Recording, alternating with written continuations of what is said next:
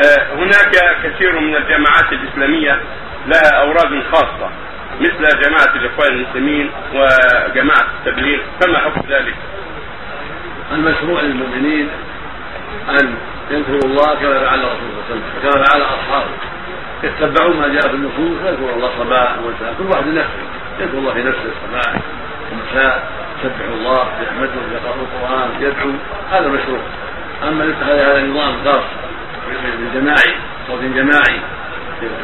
صباحا أو مساء أو في أي وقت أو تنظيم خاص. لم يرد عن الرسول صلى الله عليه وسلم هذا لا اصل وسمعت في الندوه ما فعله المسعود رضي الله عنه لما أتى إليه بعض الصحابة قال رأينا كذا من سن الكوفه رأينا قوما حلقا. يقول له واحد منهم كبروا كذا وهللوا كذا وسبحوا كذا وردوا بالعصا.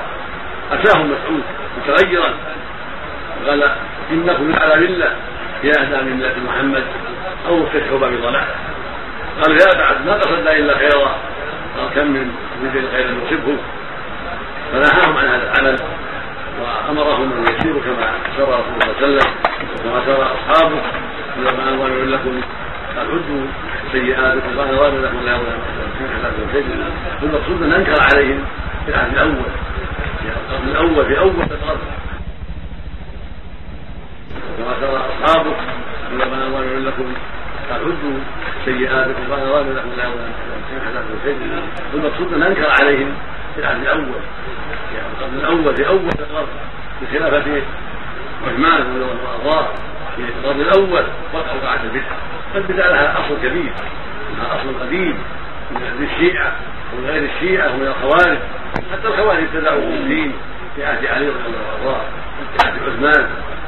فالبدع اصلها له له أساس قديم في الباطل نسأل الله العافية. الشيطان من قديم الزمان دس على الناس هذه البدع وزين له بدع نسأل الله العافية. فيجب الحذر وأن لا يغتر الإنسان بما حدثه الناس لا الصوفيه ولا جماعة التبليغ ولا الاخوان المسلمون ولا غيرهم. يجب على جميع المنتسبين للاسلام أن يتقيدوا بشرع الله. ويلتزموا شرع الله في أقوالهم وأعمالهم وسلفهم واغرابهم حتى لا يحدثوا بما لا الله. فينظر فيما أحدثوا ويعرض على كتاب الله وعلى سنة رسول الله صلى الله عليه وسلم. ثم وافق ذلك قبل وما خالف هذا رد على صاحبه. وبين له الصواب. والرسول قال عليه الصلاة والسلام بلغوا عني ولو قال قد فليبلغ الشاهد الغائب ورب مبلغ أو عن